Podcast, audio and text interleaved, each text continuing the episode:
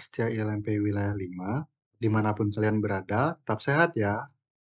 Selamat datang kembali di Psycho Talk, di mana di sini kita akan membahas isu-isu seputar psikologi. Pada episode kali ini, kami mendatangkan seseorang yang punya cerita terkait body shaming nih. Mungkin teman-teman semua udah pada kenal istilah body shaming, yang kalau diartikan ke bahasa Indonesia adalah penghinaan fisik. Dengarkan podcast ini sampai habis ya, untuk menjadi lebih aware terkait body shaming. Siang semuanya, uh, balik lagi ke podcast Psychotalk dari B- BPPM LMPI Wilayah 5. Nah, baik di sini aku Ari uh, dengan narasumbernya Erika. Nah, di sini uh, kami bakal sedikit uh, bercerita uh, mengenai body shaming. Oke, uh, baik uh, bisa dikenalin dulu nggak uh, nama namanya siapa? Boleh asalnya mungkin kalau boleh dikenalin. Oke, sebelumnya terima kasih banyak Kak Ari udah uh, memilih Erika sebagai narasumber di Psychotalk. Halo teman-teman semuanya, di mana pun teman-teman berada, semoga sehat selalu. Perkenalkan, aku Erika. Kegiatanku sekarang uh, kuliah di Universitas Muhammadiyah Surabaya, Fakultas Psikologi semester 7 dan bekerja juga sebagai wirausaha. Oh, wirausaha. Kalau uh, kalau boleh tahu wirausaha apa nih? Boleh di nah. Aku sih cuman jualan snack aja sih kak sama skincare. Wah, lumayan ya untuk uh, nama-nama uang jajan selama kuliah juga. Iya, alhamdulillah sa saat ini sih kuliah udah aku bayar sendiri kak. Wih, keren dong bisa bayar uh, kuliah sendiri dari usaha sendiri. Iya, alhamdulillah buat bantu-bantu orang tua juga sih kak. uh, Oke, okay, uh, mungkin uh, boleh diceritain nggak sih? Kan tema kita nih body shaming. Nah, boleh diceritain, uh, diceritain nggak sih uh, uh, body shaming yang pernah kamu alamin tuh kayak gimana? Oke, okay. nah bicara tentang body shaming, body shaming itu kan perilaku mengkritik atau mengomentari fisik tubuh diri sendiri atau orang lain dengan cara yang negatif ya kak. Iya. Nah body shaming itu sendiri kan kayak menguras pikiran banget baik itu uh, kita masih anak-anak, remaja, bahkan saat kita dewasa. Semua kata-kata orang itu kan jadi beban berat buat diri kita. Misalnya, kamu kok gendut banget sih, kamu kok hitam banget sih. Nah, itu kan bikin diri kita jadi overthinking gitu kan. Nah, kita tuh sampai kadang lupa sama jati diri kita sendiri dan berusaha untuk menjelek-jelekan oh ternyata kita itu beneran jelek ya. Oh ternyata kita itu gendut banget ya padahal sebenarnya nggak kayak gitu gitu. Dan kita berusaha untuk menjadi apa yang diinginkan oleh orang lain gitu. Nah aku sendiri nih pernah ngalamin body shaming itu sejak aku anak-anak kak. Nah uh, kalau boleh tahu anak-anaknya ini uh, kapan ya? SD mungkin? Atau SMP SD atau TK sih. Aku lupa. Pokoknya waktu itu tuh aku masih umur 6 sampai 7 tahunan. Masih kecil lah. Nah itu aku masih ingat banget. Tetangga aku ada yang manggil kayak eh ada ciblek ciblek itu loh kak. Cilik pendek elek atau bahasa Indonesia nya itu kecil pendek pendek sama jelek. Nah gak hanya verbal doang tapi pernah sampai kakak tahu tusuk sate uh, yang sate usus itu loh kak sate puyuh ya. sate usus hmm. nah itu nah itu dilempar ke rambut aku karena rambut aku keriting pada waktu itu hmm. itu kan kayak aku sampai mikir kenapa kok orang-orang itu kok jahat sampai segininya karena kan aku juga masih kecil gitu loh terus eh, nggak uh, cuman pas SD doang atau pas TK itu ya nah aku tuh juga pernah ngalamin pas waktu SMK itu ngena banget sih sampai sekarang efeknya. Oh, jadi ke bawah gitu ya uh, efeknya dari kamu kecil sampai ke SMA gitu udah. Iya, pas SD itu aku juga pernah jadi bahan bullying sampai apa namanya nangis-nangis gitu, pulang sekolah nangis gitu. Pas SMK itu lebih parah sih, Kak. Oh, kalau SMP itu uh, gimana sih kok bisa dibilang lebih parah uh, daripada uh, yang kamu dari SD atau dari TK tadi? SMK, yang SMK. Kalau SM, oh, ya, SMP aku nggak pernah sih dapat oh. bullying. Soalnya waktu SMP itu aku kan ini ikut kejuaraan terus, terus uh, berprestasi gitu. Jadinya ya nggak ada yang ngebully, takut sama guru gitu. Uh, keren dong, berarti SMP udah berprestasi nih. Iya, cuman ya SMK itu kayak aku kurang dihargain aja gitu. Oh, kurang dihargain. Uh, kalau iya. boleh tahu, uh, bullyingnya tuh kayak sama sih sama kayak waktu TK atau SD gitu yang diterima? Iya. Mm, Jadi gini, pas SMK itu kan aku sekolah di STM kak, mm. yang mana kebanyakan cowok-cowok kan. Nah, cowok-cowok seusia itu kan mikirnya cewek cantik itu badannya pasti langsing, kulitnya putih, rambutnya lurus. Nah, aku pada waktu itu nggak mikir ke penampilan, kalau sekolah ya sekolah aja dan dan rapi terus habis itu kayak nggak memperdulikan tentang penampilan gitu loh kak nah karena aku sedikit gemuk jadi ya waktu itu diledekin sama satu sekolah. Dibilang babilah caleng kayak gitu. Terus kayak setiap aku jalan ke lorong kelas itu kalau ada teman-teman jadi takut gitu takut takut dibully. Nggak hanya itu juga sih. Sering juga jadi bahan candaan dijodoh-jodohin sama teman cowok. Padahal si temanku cowok itu ilfil sama aku. Juga selain verbal juga fisik juga pernah dilemparin kertas. Terus bangku kelas itu kayak didorong-dorong ke aku dicekin. Sampai pas aku nangis pas aku marah itu mereka tuh malah ketawa gitu kan. Aku kan kayak loh masa salah sih aku marah kayak ya aku nggak tahu banget gitu loh kak. Jadi sedih banget nggak bisa nggak bisa ngungkapin apa yang aku rasain waktu itu. Karena ya serba salah aku nangis salah aku marah salah gitu kan. Sampai aku tuh juga pernah atau sampai sering banget dapat kata-kata catcalling. Dan itu bikin aku risih dan nggak nyaman gitu.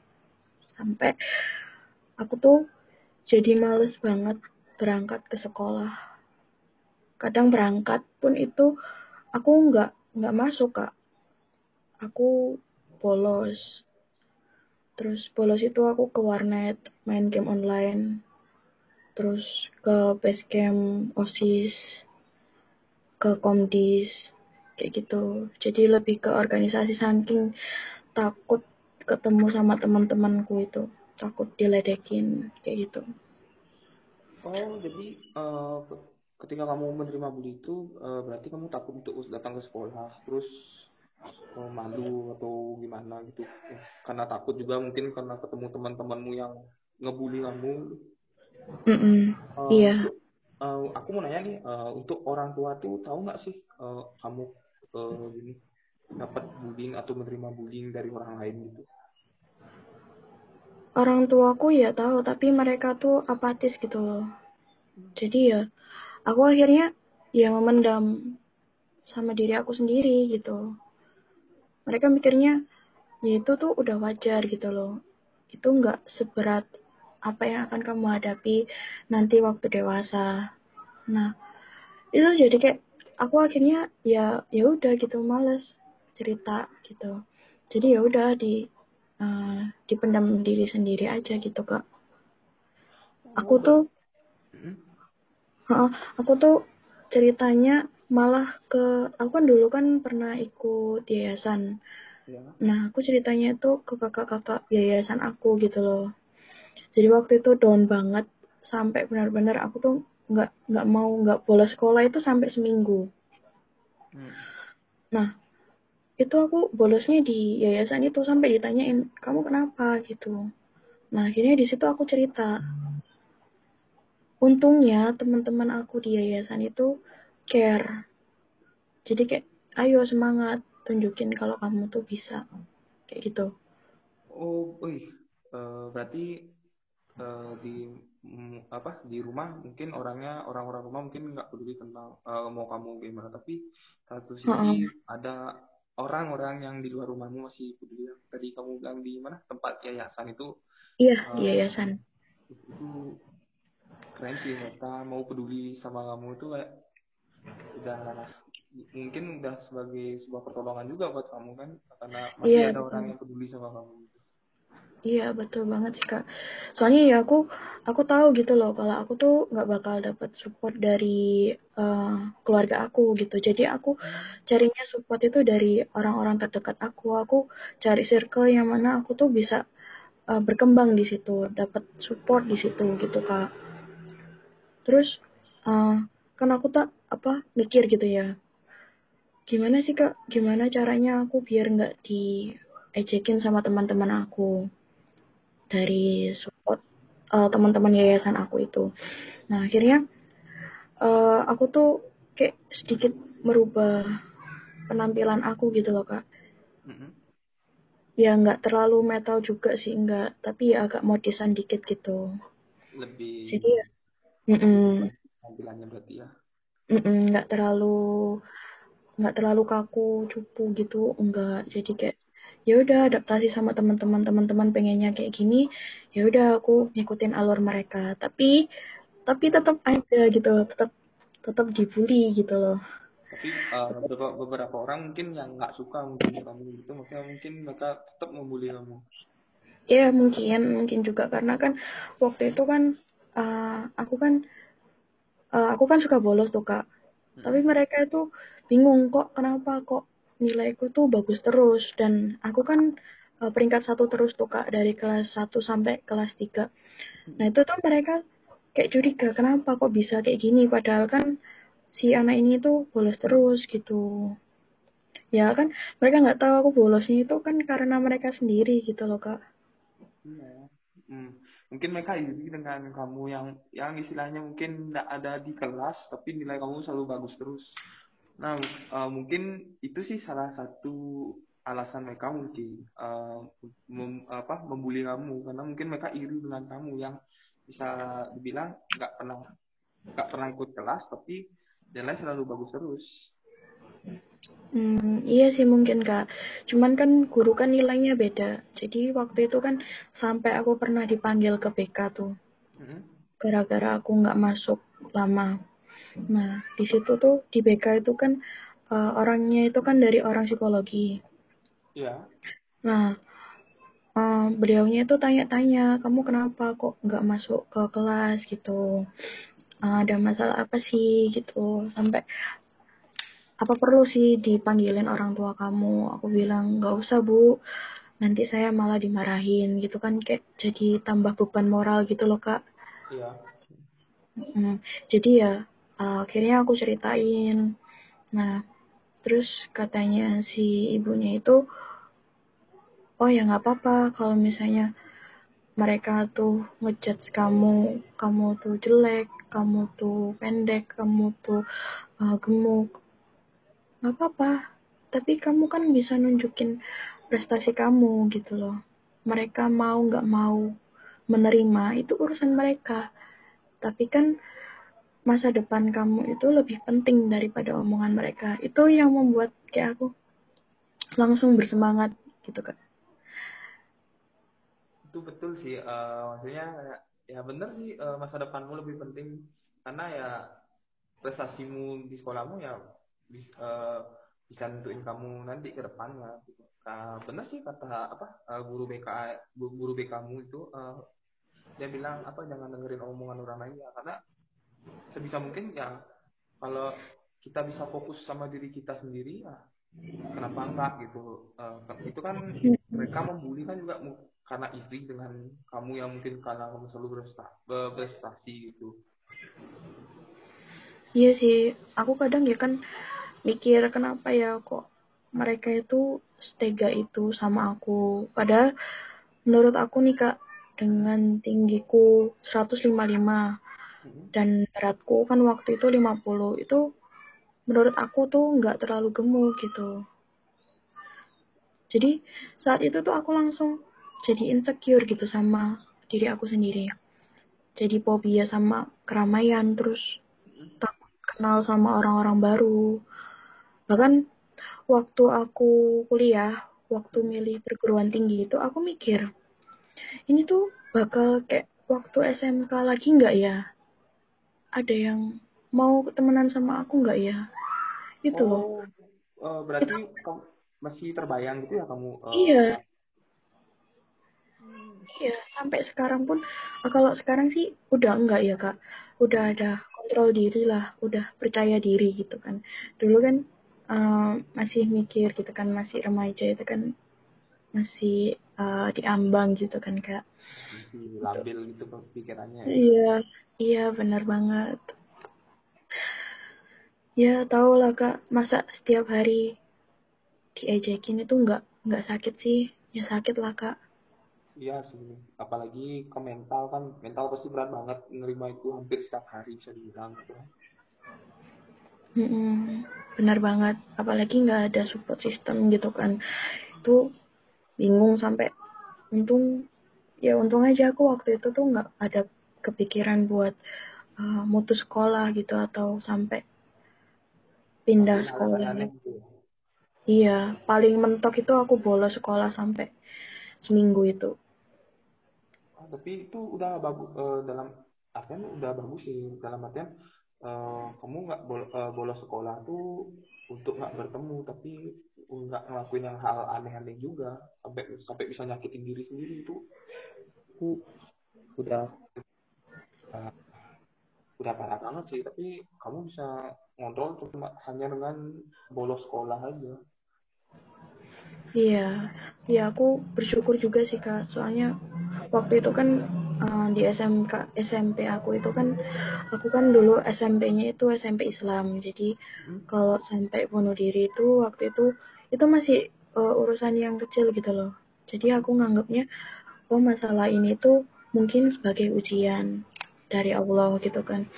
Siapa tahu mungkin nanti kalau aku sudah besar aku diuji dengan uh, cara yang lebih berat lagi aku tuh bisa menghadapi kayak gitu. Uh, aku mau nanya nih, uh, dulu sempat kepikiran nggak sih, uh, kenapa sih kok kamu dibully itu? Pernah bertanya gitu nggak sih ke dirimu sendiri kenapa kok kamu dibully sama orang-orang itu? Hmm, waktu itu sih aku mikirnya ya karena fisik itu tadi. Mungkin uh, menurut mereka aku tuh gemuk. Terus aku pakaiannya kan agak kayak gombor-gombor gitu kak. Agak kebesaran gitu. Karena kan biar menutup aurat gitu kan. Nah sedangkan mereka lihatnya itu kan teman-teman cewek aku di kelas waktu itu kan cuma empat. Nah empat orang itu yang berhijab cuman aku. Oh.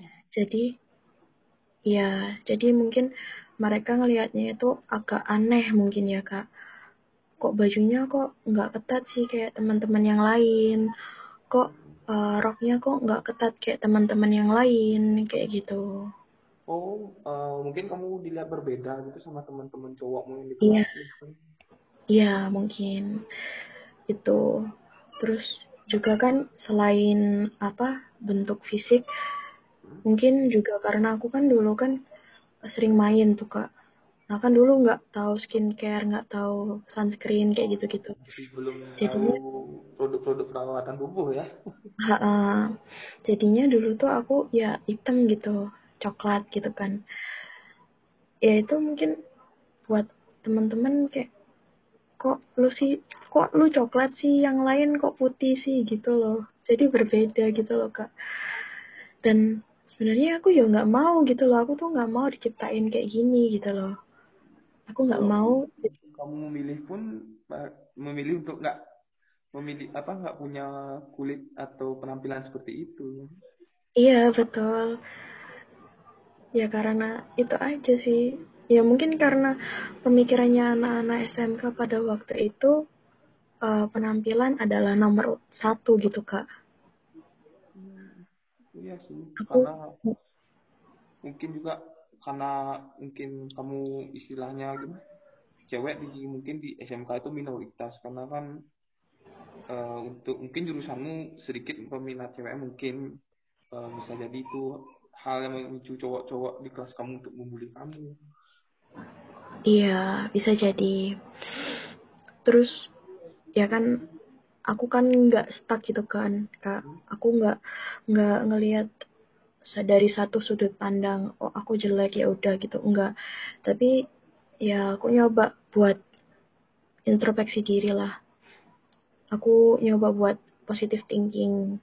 Jadi ya aku coba ngaca, terus aku lihat nih, oh aku tuh punya kekurangan kayak gini aku tuh tapi aku punya kelebihan.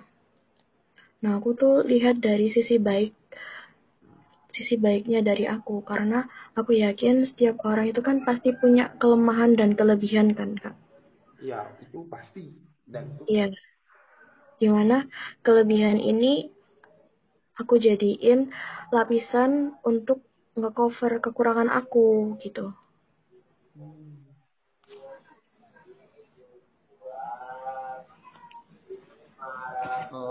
Uh, uh, itu uh, uh, aku mau tanya juga nih uh, apa?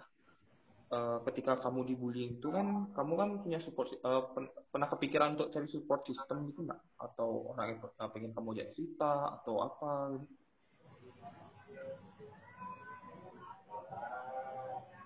Sebentar kak, ini masih ramai di sini. Oh, ya nggak apa-apa, nanti kan bisa diedit juga uh, gini, recordingnya. Iya, nggak bisa dijeda soalnya.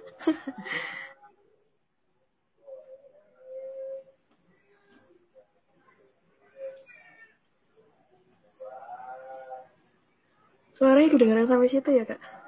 Kedengeran. Nggak apa-apa. Santai, eh, santai aja. Nggak usah tekan. Bentar ya, Kak.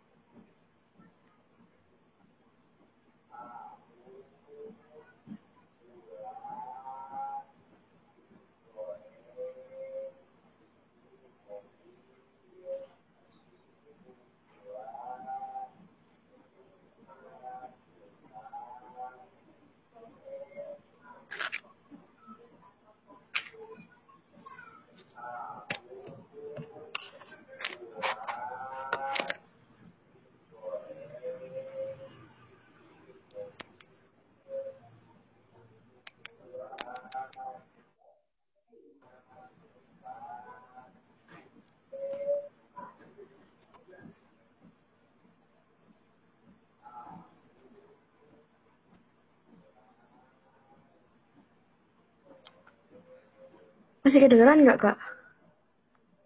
Oh, udah nggak. Oke. Tadi apa ya, Kak? Boleh diulang nggak? Oh ya, uh, kan kamu kan uh, menerima bullying itu pernah nggak sih nyari uh, cari support system itu mungkin teman cerita atau apa yang mungkin bisa mendukung kamu melewati masa-masa sulit agak gitu? Waktu itu sih aku nggak pernah kepikiran sampai ke situ ya kak. Hmm uh, aku tuh pengen itu ya aku aku baik-baik aja gitu loh. Aku bisa nyelesain nyelesain problematika aku sendiri gitu. Oh berarti tapi kamu percaya sama dirimu sendiri ya? Kalau kamu uh, bisa ngelewatin ini. Iya.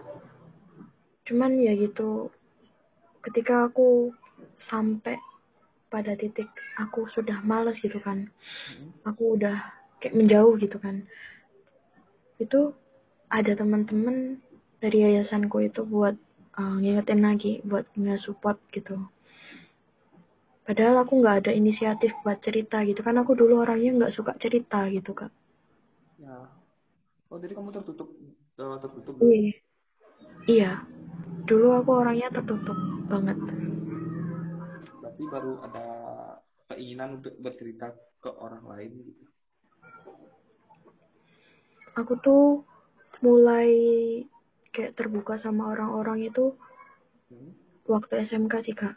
Eh, waktu kuliah. Karena kan aku kan waktu itu masuk psikologi. Nah, itu kan sedikit-sedikit tahu ilmunya tentang psikologi itu apa aja sih, kayak gitu, Kak.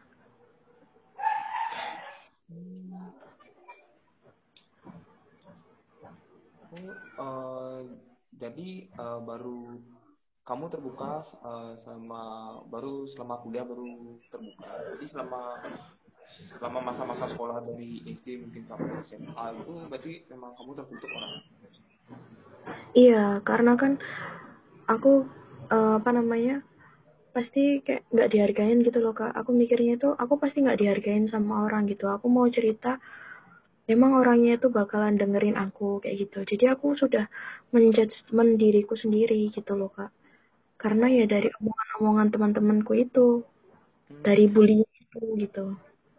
Oh berarti kamu uh, kayak uh, udah tahu ya ketika kamu punya cerita ke orang lain berarti orangnya ini cuman hanya sekedar mendengarkan atau akan menjudge balik kamu seperti itu ya?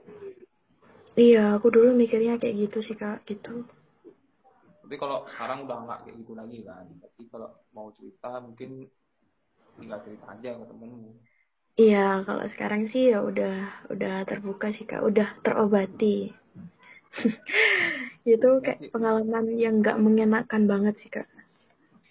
Iya sih. Itu pasti nggak enak banget. Karena siapa sih yang mau dibully dibully gitu sama sama orang? Maksudnya kita nggak ada salah apa tapi kok orang uh, ngebully kita apa sih salah kita ke dia pasti kan uh, kita bakal berpikir kayak gitu. Apa sih salah kita ke dia? Padahal uh, kita pun mikir kayak kita nggak punya salah ke dia gitu.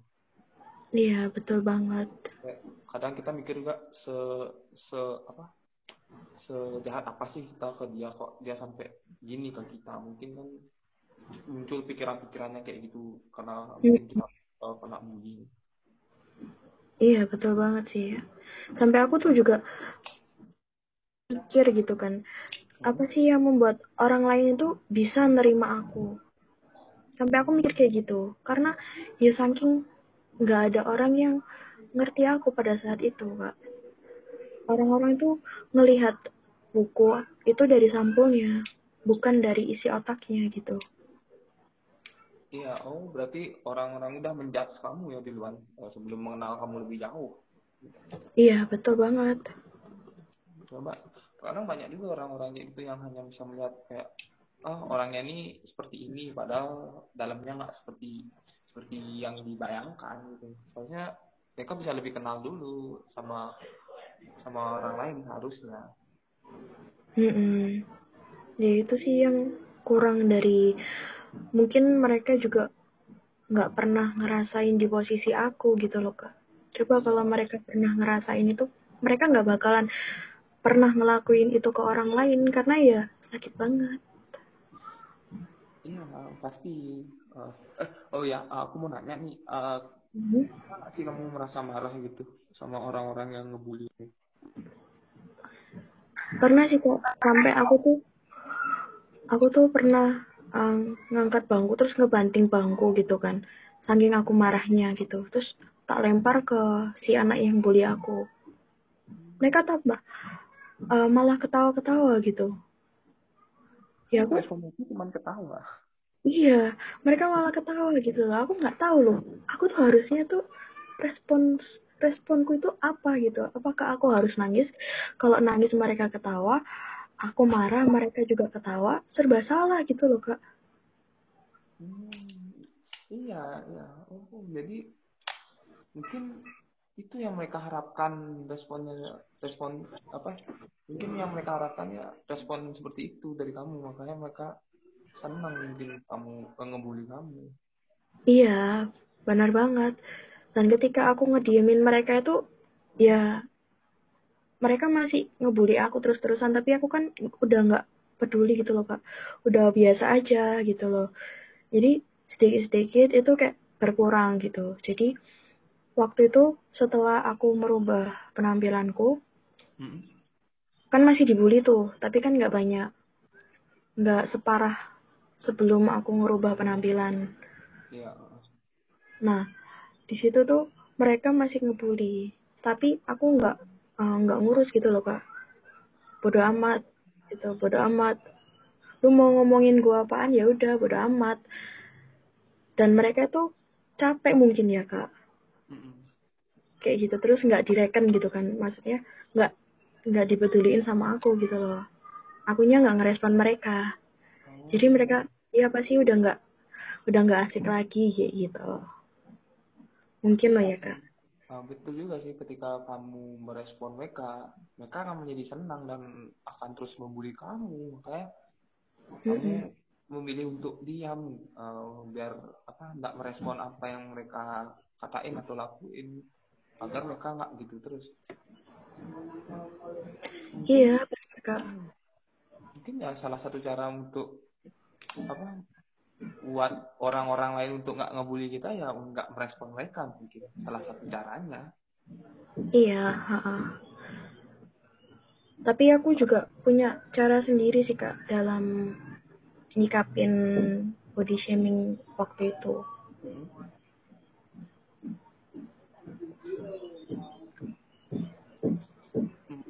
kalau boleh tahu uh, sampai uh, sekarang tuh masih dendam nggak sih sama mereka mereka yang ngebully kamu?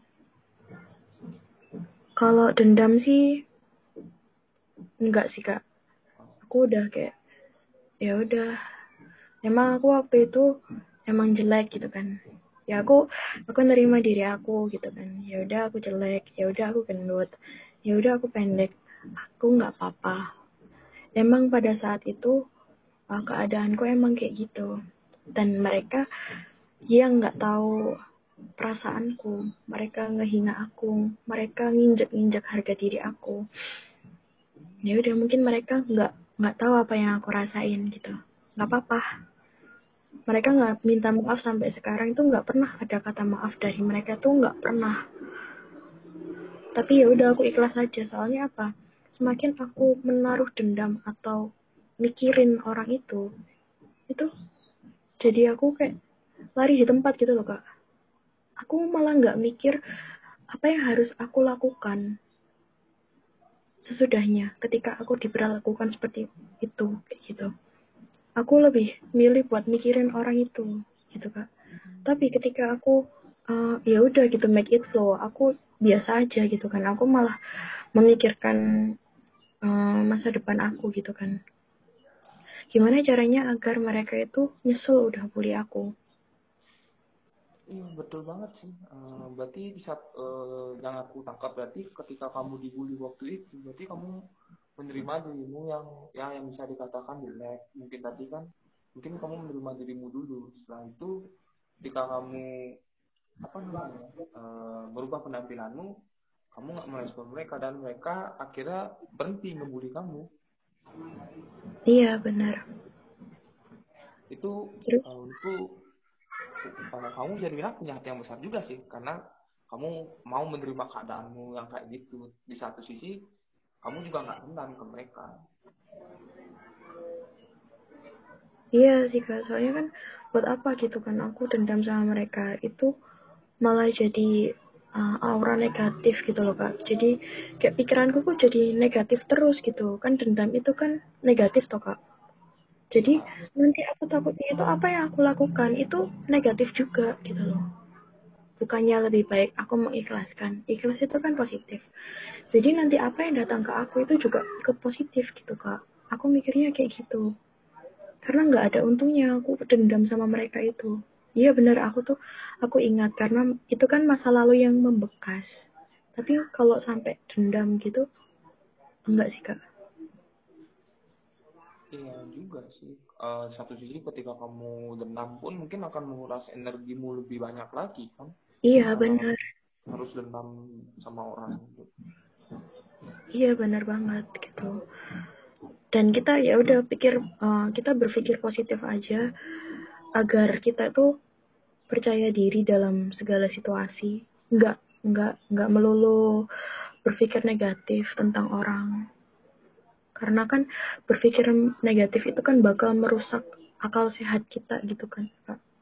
Iya sih uh, merusak kita dari dalam secara perlahan juga sebenarnya kan iya betul. apa punya pemikiran yang negatif gitu. Iya. Dan kita juga harus mensyukuri apa yang ada di diri kita karena Allah menciptakan kita itu bukan tanpa alasan.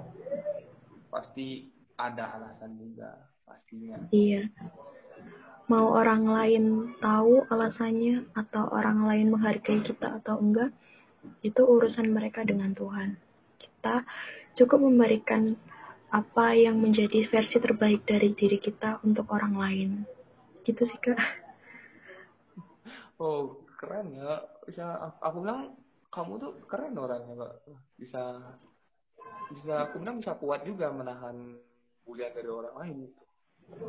Jarang loh uh, ada orang yang kayak kamu bisa bisa dibilang kayak ketika dia menerima bulian juga mungkin dia akan lakukan hal yang bisa dibilang kayak menyakiti diri atau apa mungkin terlalu jauh tentang kamu jadi kalau kamu bulian bulian dari teman-teman itu ya udah boleh sekolah aja biar nggak ketemu mereka. Jadi kamu bisa dibilang nggak ketemu masalahmu untuk sebentar. Mungkin bisa bilang kayak gitu. Iya.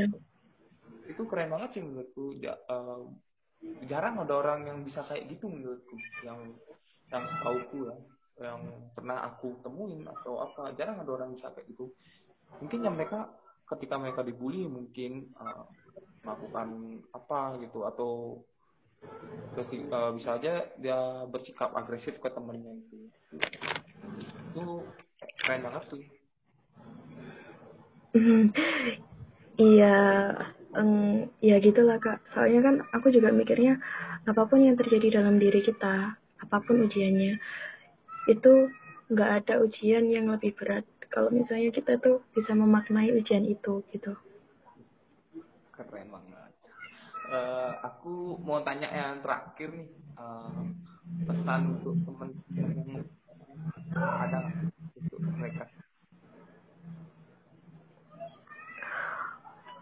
Pesan untuk teman-teman psikotalk yang mungkin saat ini sedang atau pernah mengalami perilaku body shaming Teman-teman, kita tahu bahwa kita itu hanya memiliki dua tangan dan dua telinga. Kita tidak bisa menutup banyak mulut orang yang mencibir kita. Bagaimana jika kita menggunakan kedua tangan kita untuk menutup kedua telinga kita dan fokus mengembangkan potensi diri kita dan isi dengan ilmu-ilmu baru itu, kita bisa mengupgrade kemampuan kita.